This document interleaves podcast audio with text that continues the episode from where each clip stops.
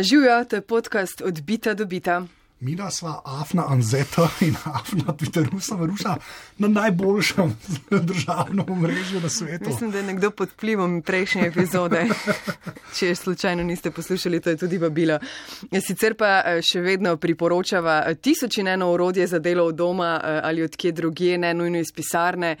Mi dva predvsem ne morava brez Zenkesterja, ampak hkrati priznavava, da se rada srečava v živo z najnimi gosti. Katja Koren Ošljak, dobrodošla spet tukaj. Živijo tukaj Afna Katja Ošljak. ja, tako, dobrodošla na kaj meter in pol razdalje. zdaj, to, že, to je zdaj že novost po, po samo temu. Ok, val 202. Play odbita dobita. Maruša in Anže z gosti o sodobnih tehnologijah. Kaj ti upam staviti, da te poslušalci odbite poznajo zaradi tvojega dela in prizadevanja? Eh, leta deluješ na področju digitalnega opismenjevanja, navduševanja, izobraževanja. Um, s čim se ukvarjaš v zadnjem času? Nekaj časa se nismo uh, slišali in videli.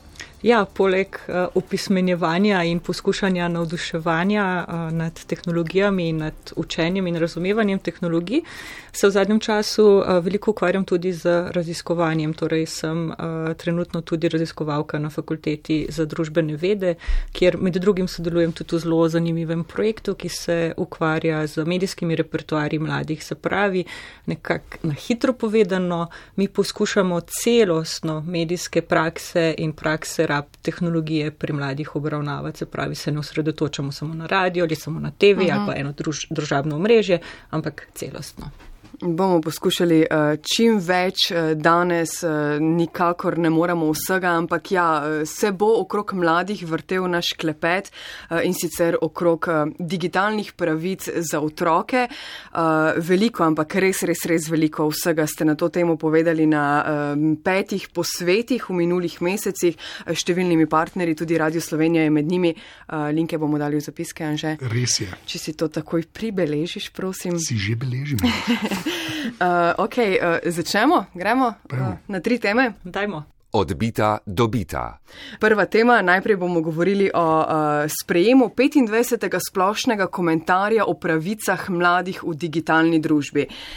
To zveni uh, kar birokratsko. Uh, uh -huh. Zdi se mi, da zveni tudi zelo pomembno. V bistvu bomo zdaj ugotavljali, zakaj gre, komu koristi, kje in kako. Um, ampak najprej nismo najbolj aktualni. Komentar je bil sprejet lani, leta 2021. Torej je pa prvi ki dopolnjuje tisto konvencijo o pravicah, nasploh človekovih pravicah za otroke iz leta 1989, to pa je že kar obdobje. Eh, takrat je bilo vse bistveno drugače, svetovnega eh, spleta še ni bilo. Katja, povej malo najprej, kako to, zakaj po tolikšnem času. Ne podcenjujemo, nedvomno je bil kakšen otrok na terminalu. 1990, kaj pa njegove pravice?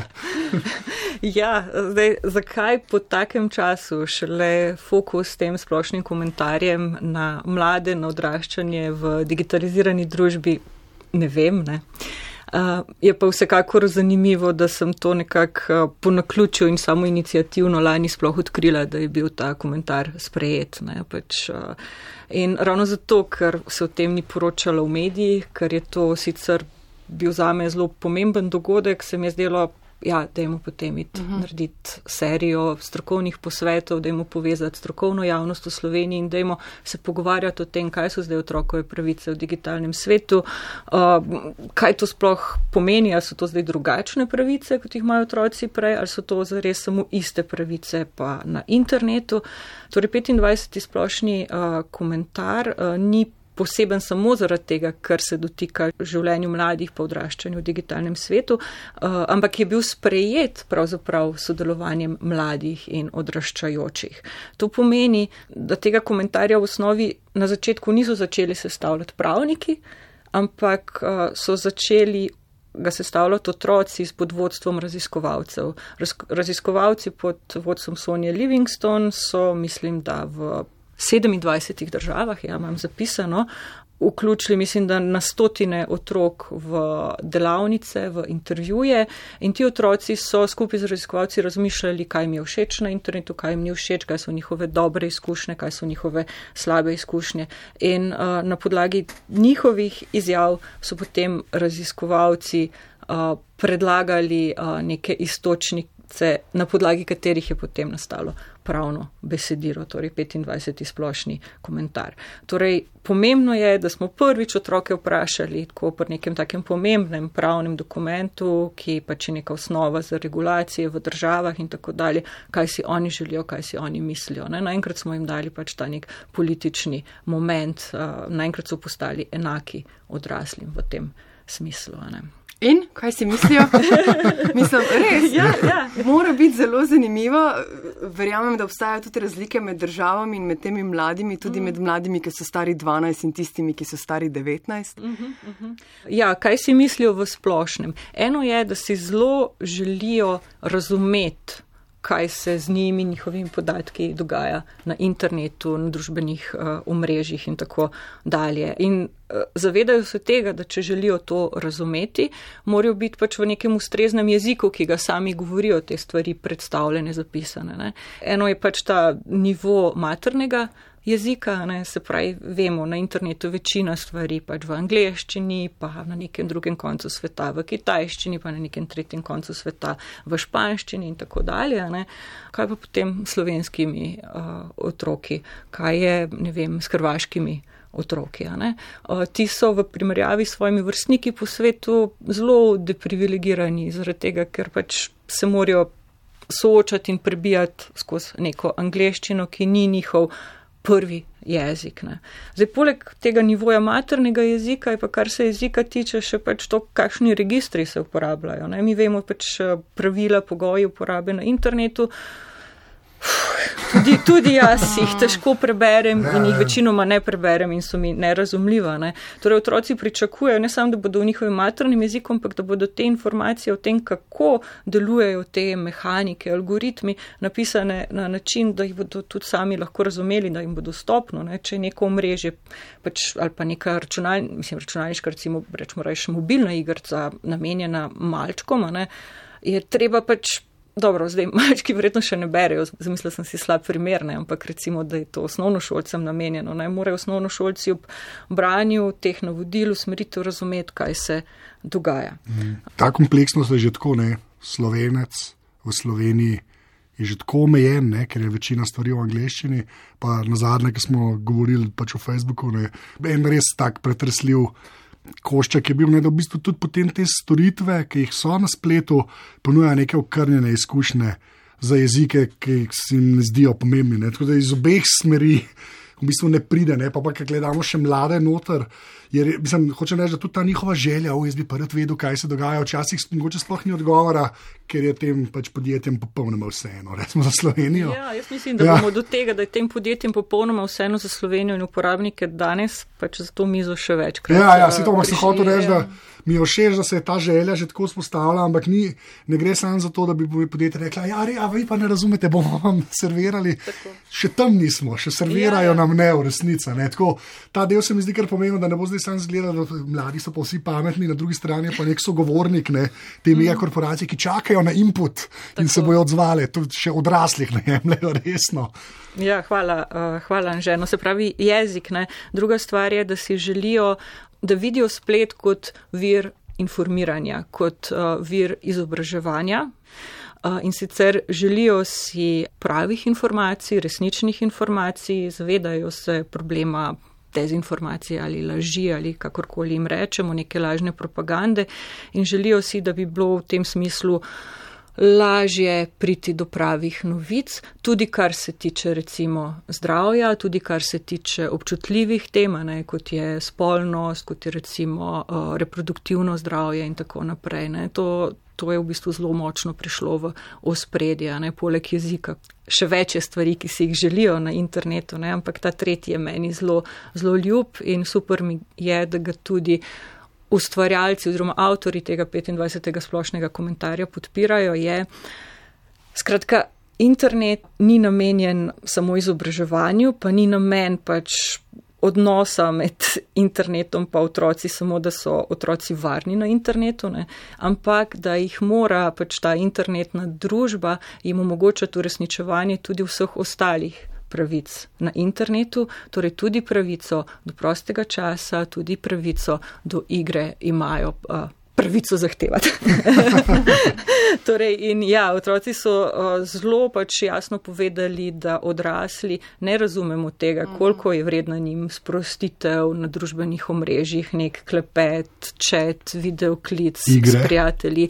Igre, absolutno igre, ja. igre. Uh, in to je tudi recimo zelo, zelo močno podarek. In to ni zdaj, pač, to ne smemo gledati pokroviteljsko, kot pa pač otroci, da se hočejo igrati pravo te družbe oziroma naš družbeni dogovor otrokom že dolgo časa dopušča pravico do igre, ne samo otrokom, tudi odraslima. Ne? In uh, super se mi zdi, da ta komentar, ta nek res tak, kaj rečem, rigorozen, suhoparen pravniški dokument tudi to uh, izpostavlja ne, v svojih določilih na koncu. In predvsem, ja, da vključuje um, otroke, no, ne, ne samo uh, raziskovalce in strokovnjake, ampak kaj pa vas je strokovnjake in raziskovalce najbolj presenetilo mogoče, ker ravno to, kar si omenjala, ne, odrasli največkrat govorimo o nevarnostih za odrasle, pa o varni rabi interneta, ko pa govorimo o uporabi tehnologije za otroke, pomislimo samo na omejevanje te tehnologije za otroke.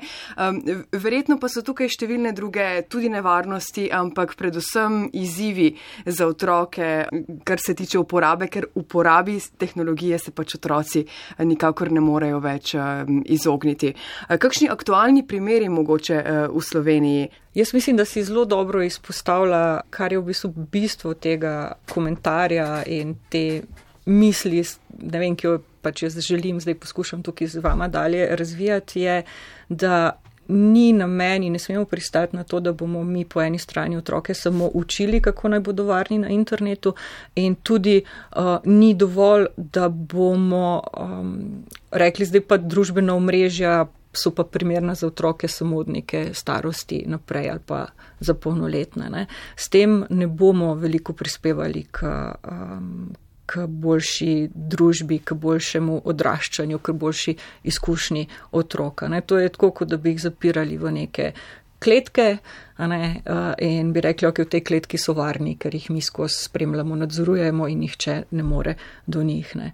Uh, ravno nasprotno, želimo otroke ja, ne samo opolnomočiti, ampak želimo poskrbeti, da bo digitalni svet tako reguliran, tako urejen, kot je naš svet sicer, ne, kjer bo razmeroma malo ali pa želimo si nič zlorab, nič. Nič napadov, nič predatorstev, ne, nič lažnih novic, ne, to je pač tisti ideal. Ne, in to morajo v bistvu nacionalne države, pa tudi neke med, meddržavne zveze spodbujati in prisiliti za res ponudnike tehnologije, ponudnike medijev na internetu, da ustvarijo pač če, če izdajajo nek medij, kot je ne vem TikTok, da ga um, ustvarjajo na način, da v sami zasnovi, v samem dizajnu ne, ne bo nekih hakrčkov, uh, ki bi lahko povzročali take in drugačne škode. To je mogoče nehvaležno vprašanje, ampak vsem.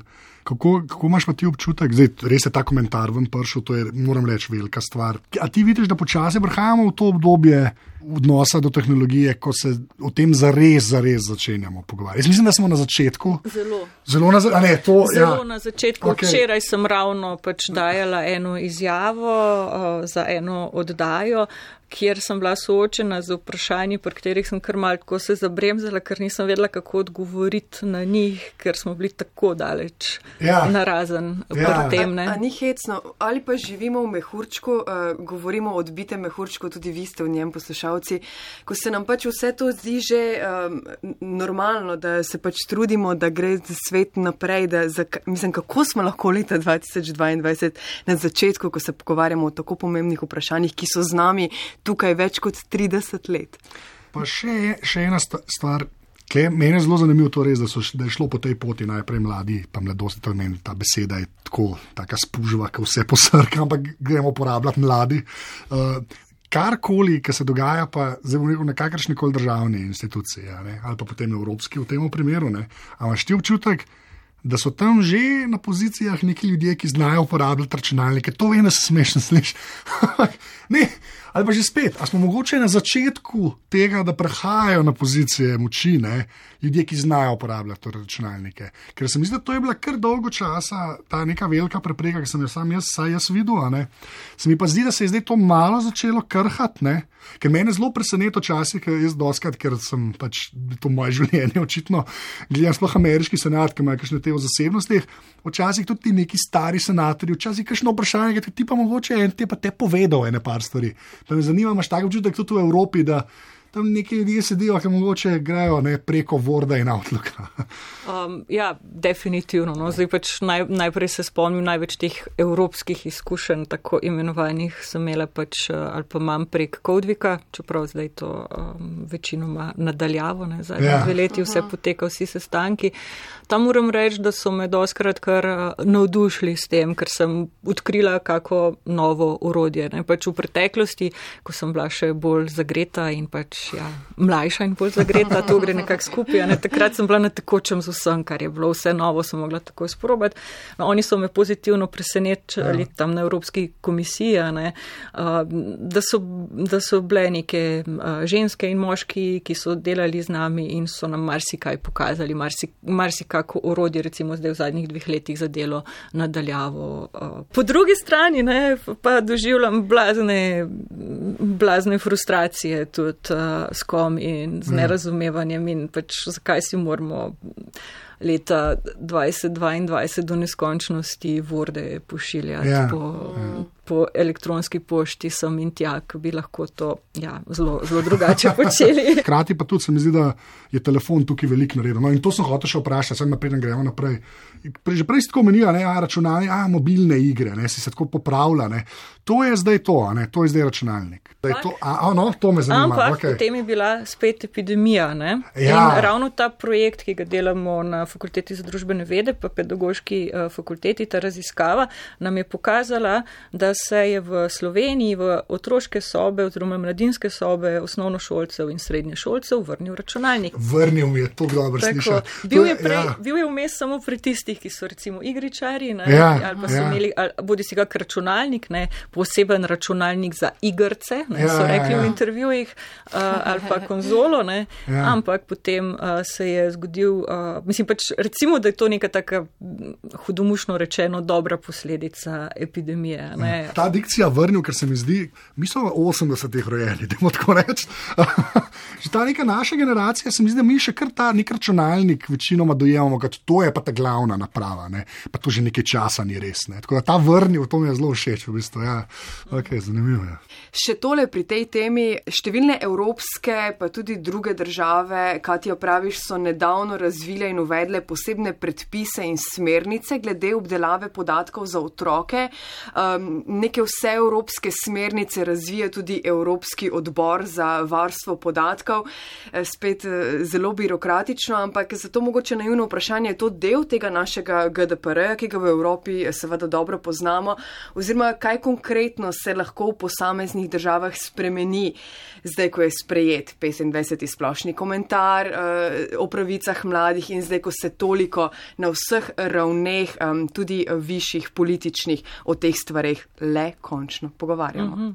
Ja, Evropski odbor za varstvo podatkov, ne spet uh, ena besedna zveza, ki zelo abstraktno zveni, uh, je pa uh, zelo pomembna iz perspektive te naše uh, debate in uh, otrok in mladih na internetu. Uh, namreč, uh, ja, to je. Jaz ne vem, verjetno kak pravnik, pravnica me bodo popravili, pa naj prosim me, ampak to je neke, sprejemajo neke vrste GDPR za otroke, pač jaz temu rečem. Ne? Torej, kako morajo biti podatki in zasebnost otrok na spletu varovani. To je zdaj v neki zelo začetni fazi in sicer na tem uh, dokumentu, na teh priporočilih, smernicah, kolikor vemo, delajo uh, irski informacijski pooblaščenec, eh, en francoski informacijski pooblaščenec in pa dva nemška. Pričakujemo, da bodo nekje, bodi si v jeseni, na zimo, upajmo do konca leta, predstavili osnutek tega dokumenta in ga posredovali nacionalnim državam, torej članicam Evropske unije in informacijskim pooblaščencem. Se pravi, tudi urad našega informacijskega pooblaščenca oziroma pooblaščenke eh, v Sloveniji bo prejel ta osnutek. Eh, vsaj toliko eh, pač jaz zaenkrat vem o tem postopku. In tukaj je zelo pomembno, da bodo sami nacionalni pooblaščenci, informacijski pooblaščenci v posameznih državah dobro, pametno odreagirali. Po eni strani zaenkrat kaže, da bo ta usnutek, ki bo prišel, ne, da bo dovolj, kako se temu reče, strok ampak to, to ni dovolj, zaradi tega, ker se pričakuje iz izkušnje, kot se zdaj dogaja v Kaliforniji pa Avstraliji, ki se podob, na podobnem nivoju zakonodaja sprejema, da se bodo seveda lobisti z debelimi denarnicami, se pravi predstavniki ponudnikov tehnologije, ne, zelo spravili na države, kjer bodo videli priložnost. In za Slovenijo se ocenjuje, da je ena taka država, kjer bi se ta pritisk lahko močno, močno vršil. Ne. Enako pač na vzhod, mal, mal na sever in uh, na jug od nas. Uh, s tem namenom smo uh, ravno včeraj poslali uh, pismo naši informacijski pooblaščenki, gospe Mojci Prelesnik, z namenom podpore ne, in spodbujanja tega angažmaja, da bomo pripravljeni, ne, da bomo kot civilna družba in tudi oni sami pripravljeni na ta odziv, ker pričakujemo, da bo to res ne boj, ampak mesarsko klanje.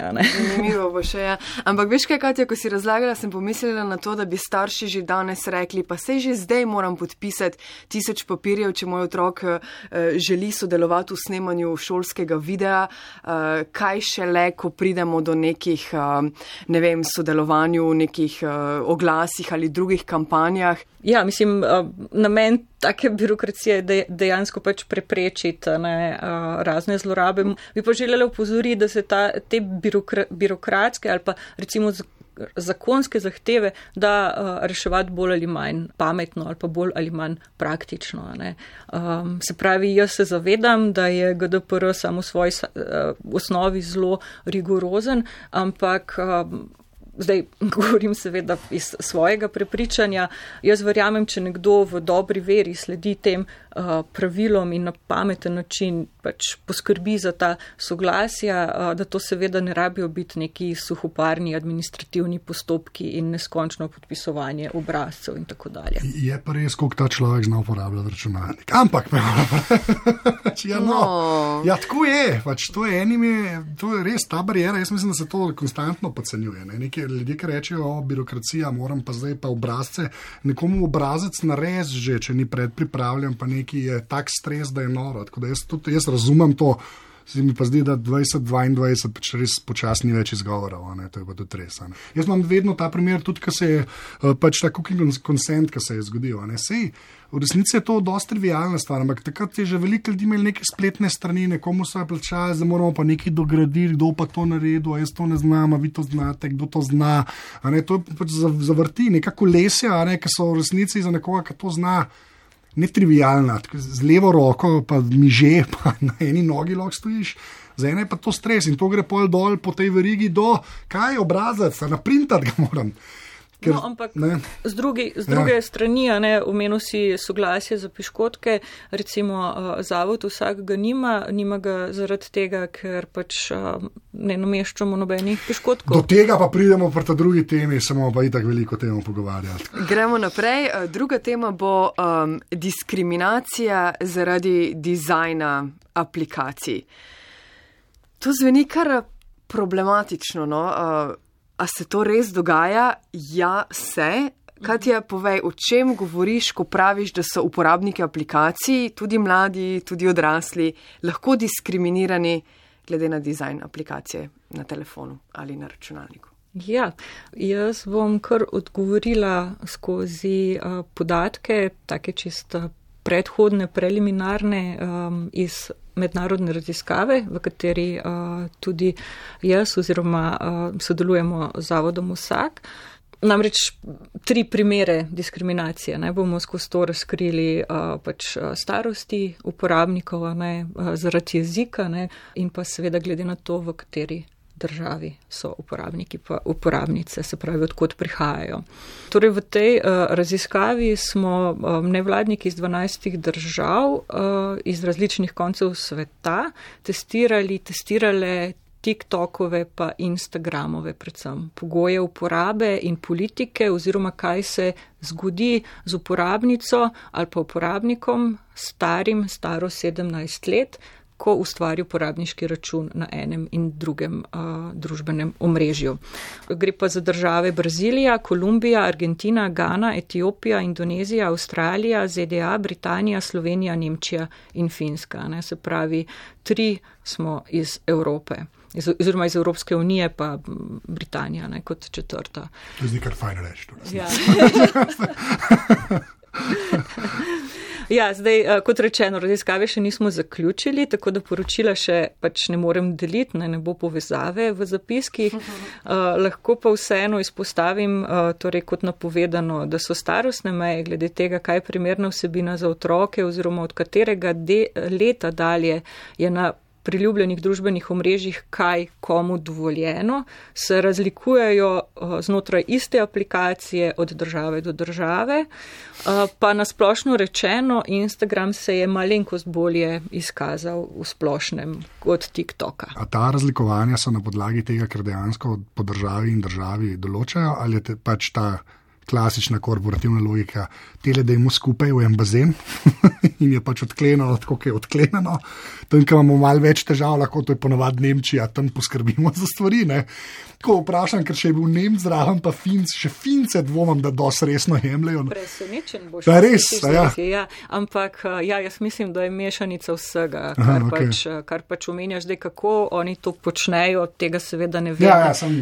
Mi smo se te metodologije lotili, pač kaj ne rečem, zelo priročno, ne? ko smo gledali Instagram pa TikTok, raziskovali smo namreč s testiranjem. Ne? Mi nismo imeli nobenega posebnega dostopa do podatkov uh, in testiranjem na način, da smo ustvarili uporabniške račune za izmišljene 17-letnike pa 17-letnice. Moram povedati, da smo se pri tem zelo trudili, da bo naša intervencija etična v odnosu do skupnosti uporabnikov in uporabnic, ki so tam. Torej v imenu, ki smo ga upisali v račun, ko smo ga ustvarili, smo se jasno predstavili kot raziskovalci. Jaz sem bila naprimer Katja Researcher from Slovenija. Um, nikogar na omrežju nismo kontaktirali. Uh, če bi kdo kontaktiral nas, uh, ne bi sodelovali v izmenjavi sporočil oziroma bi pač komunikacijo zavrnili, pojasnili, da smo raziskovalni uporabniki. Da ne bi šlo za neke lažne tako, komunikacije. Ne?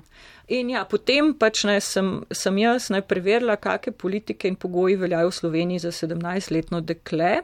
Se pravi, račun sem rabila imeti dve do tri minute, a ne potem sem ga uh, izbrisala. In prva ugotovitev je, da je zmeda starostnimi mejami pač zelo očitna, da ponudniki medijev za otroke na internetu predvidevajo različne starosti za otroke, uh, ki prihajajo iz različnih pravnih sistemov. Uh, še huje, sama pravila uporab so spisana konfuzno. Uh, naprimer, zdaj govorim primer za um, korejske in enako velja za indonezijsko govoreče uh, mladostnike, mladostnice, ki živijo zunaj svoje države. Ne? Se pravi, korejci zunaj Koreje, uh, indonezici zunaj Indonezije. Uh, Za njih je praktično nemogoče ugotoviti, da zdaj lahko platformo ne, TikTok uporabljajo pri 13 ali pri 14 letih. Ne, ne glede na to, kako to bereš. Ne, ja. se pravi, to je nekaj tega, kar si ti prej že ja. omenil, da kar neki naredijo, pa ne pač ja, približno. Ne.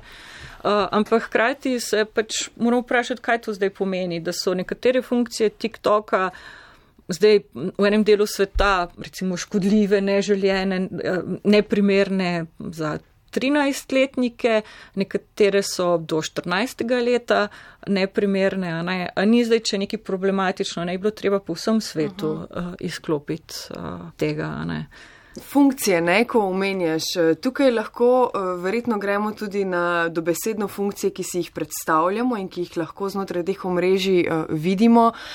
Spomnila sem se na, na Francis Haugen, ko je govorila o tem, da so filtri znotraj teh aplikacij, konkretno Instagram, diskriminatorni do določenih skupin ljudi, naprimer do temnopoltih, da obstajajo pač znotraj Instagrama samo uh, ti neki priljubljeni uh, filtri, ki so samo uh, za belce. Še kakšen uh, primer, uh, kakšne konkretne funkcije znotraj uh, teh dveh uh, aplikacij, ki so se izkazale za tako problematične?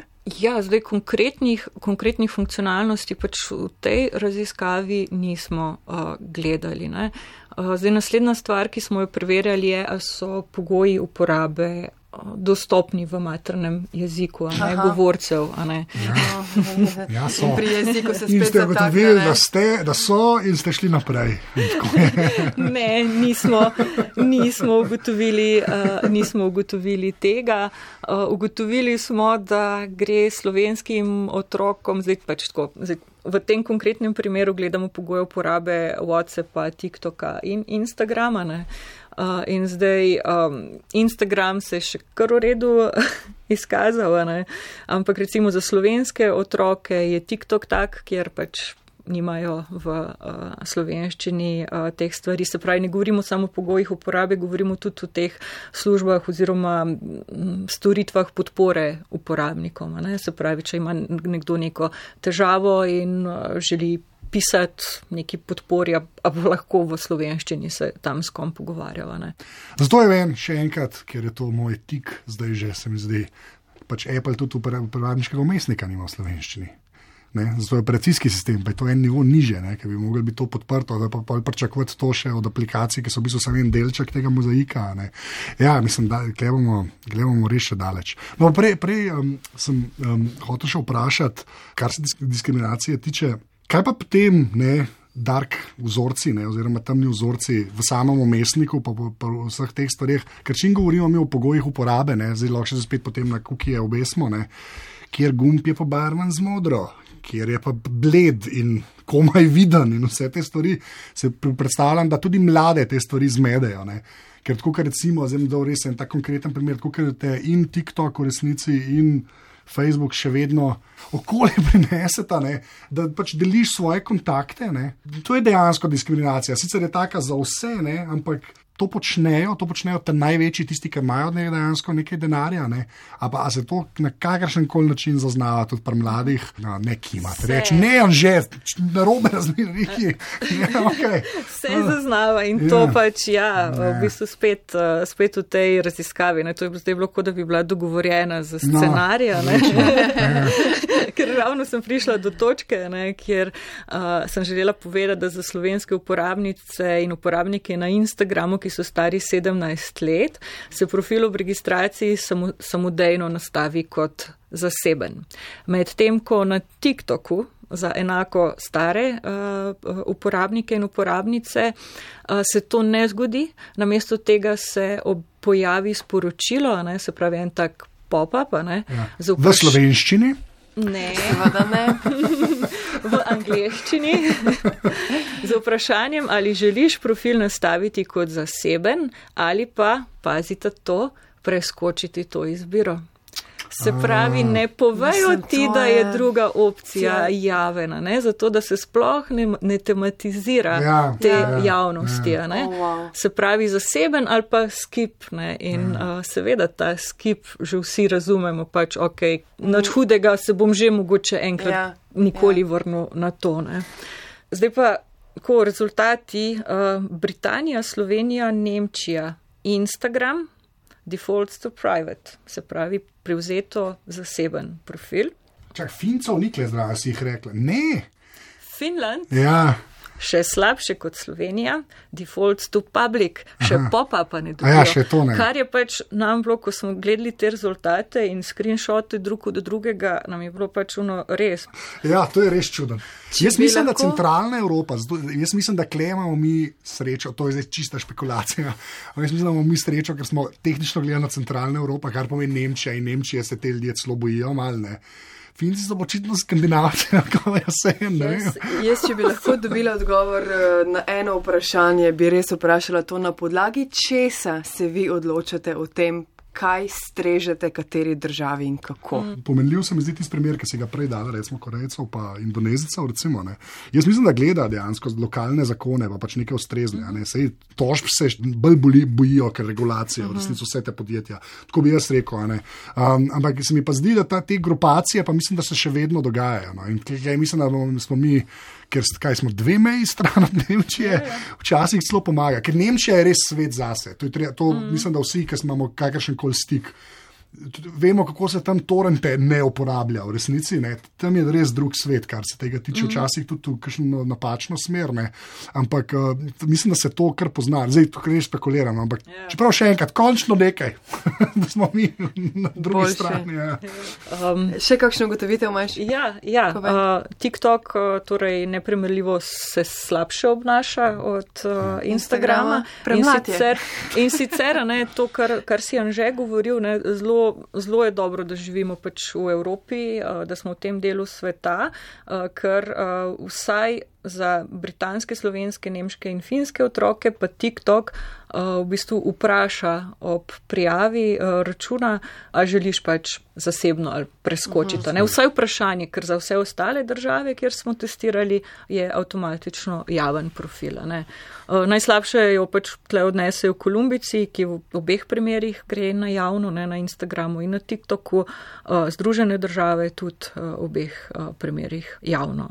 Ja. Sicer sicer pa kadar pa Instagram vpraša javn ali ne javn profil, ne, oni so pa bolj iskreni, pa manj črni, ja.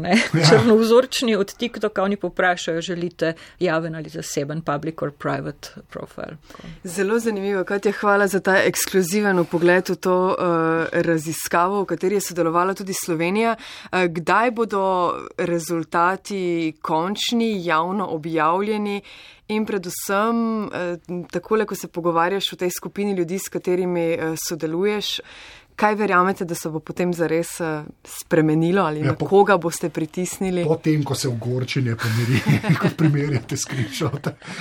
ja, najprej prvi, prvi pritisk bo, bo šel na TikTok, uh mhm. -huh. se pravi pač z izsledki uh, raziskave uh -huh. v smislu, gledajte, tako je na Instagramu, pri vas je slabše, boste kaj naredili, ne? torej vršenje pritiska na njih same, ne? da se oni bolje samo regulirajo. Ne. Hkrati bomo pač te podatke vprašali si, kdaj ne znam odgovoriti, uh -huh. kdaj. Račun, jaz računam, da v nekaj tednih, vsekakor vaju obvestim, bomo objavili to uh, poročilo, ga bomo tudi prevedli v slovenščino in seveda pač posredovali vsem uh, zainteresiranim.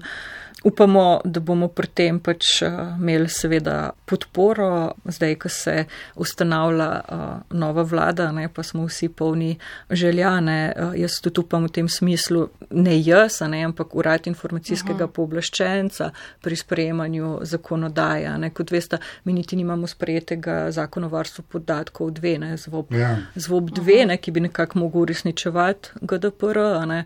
Kaj se bo potem zgodilo, ko bomo imeli pač te smernice še posebej za mladoletne. Ne. Jaz tukaj pač uh, bom brez, uh, brez ravno izkoristila to in bom uh, prosila za podporo novo vlado, nastajajočo vlado dr. Roberta Goloba, da jo bo nudil pač uradu informacijskega pooblaščenca in vsem ostalim, ki so um, ali pa se morajo ukvarjati pač s prejemanjem ja. take zakonodaje. Kaj je srečno naprej? No? In uspešno, seveda, zdaj pa še k zadnji stvari, najkrajši, ne naj, nujno najmanj pomembni danes, uh, to bo tvoje priporočilo. Ja. Si kaj razmislila, kaj si nam prinesla? Sem. sem. Indonezijski TikToker, če ne. ja, ne, uh, nekaj, kar sem odkrila, um, mislim, odkrila, že dolgo vem, da obstaja. Kako leto nazaj sem imela priložnost se začeti tega učiti in zadnje mesece sem to redno uporabljala. In to je tako imenovani lateh, torej ne lateks, ne. Kot se napiše. Ja, ja. Weird vode, smo šli tamo naprej. skratka, bila sem uh, nekako dana v situacijo pisanja, oblikovanja raziskovalnega poročila, kjer sem imela to srečo, da uh, je sodelavec, ki vodi pač na fakulteti uh, to ekipo, um, upora uporabnik med drugim tudi Lateha in me je spodbudil k temu, da se začnem tega učiti. In ja, jaz sem čisto, uh, kaj ne rečem, zagikala nad, nad tem naenkrat se mi ni bilo treba več ukvarjati z Wordom in stili in s tem, da ko več avtorjev piše v isti dokument, da drug drugemu povozimo neke nastavitve, fonte in tako dalje. Ne. Naenkrat sem bila pred tem dokumentom, ki se obnaša enako, kot se obnaša dokument, kadar, ne vem, programiraš spletno stran ali pa urejaš pač front-end spletne strani. Uh, torej, LaTeX je kot nek, um, kaj ne rečem, upisni jezik, ne, z, program za oblikovanje uh, dokumentov. Uh, jaz verjamem, da ga poslušalci odbite, ker verjamem, da so uh, med njimi bistveno večji giki od mene, dobro poznajo in uporabljajo. Uh, Menda ga imajo zelo radi matematiki, fiziki, vsi, ki morajo recimo neke kompleksne formule, tabele, grafike. Ja, jaz ga tako sem kot nekaj, kar se v akademiji uporablja. Nič več kot to ne ja. vem, resnici. Ja. Jaz, ker sem iz te bolj družboslovne akademije, pač je to moj prvi kontakt, a ne pa še zato pač ne, sem mogla priti v tak delovni kontakt z Lukom, družboslovnim informatikom, ne, ki, ki pač to uh, uporablja. In jaz moram reči, da sem res navdušena in to bi mogoče poslušalkam poslušalcem tisti, ki jih ko mal srbijo prsti predlagala, um, mislim, da je Overleaf, uh, da ja. je spletna stran, kjer imajo tudi en tak 30-minutni uvod v latek. Se pravi, ni to noben zoprn video, ampak imaš tam navodila, kjer greš korak za korakom. Ful priporočam. No. Katja Koren Ošljak, uh, hvala, da si prišla. Hvala za vse te zanimivosti, uh, raziskave, ekskluzive, pravice, komentarje, birokracijo, ker je pomembno. Maruša in Anže, hvala za vabilo in upam, da še kdaj. Se vidimo k malu. Anže? Uh, hvala sem za ocene v Apple Podcast, pa odbita afnaretova slabega si, kakšno vprašanje, ki nam potem da temo, to je vedno dobrodošlo. Uh, sicer pa hvala, da poslušate, to bom rekel. In se slišimo. Hvala za pozornost. Čau. Čau.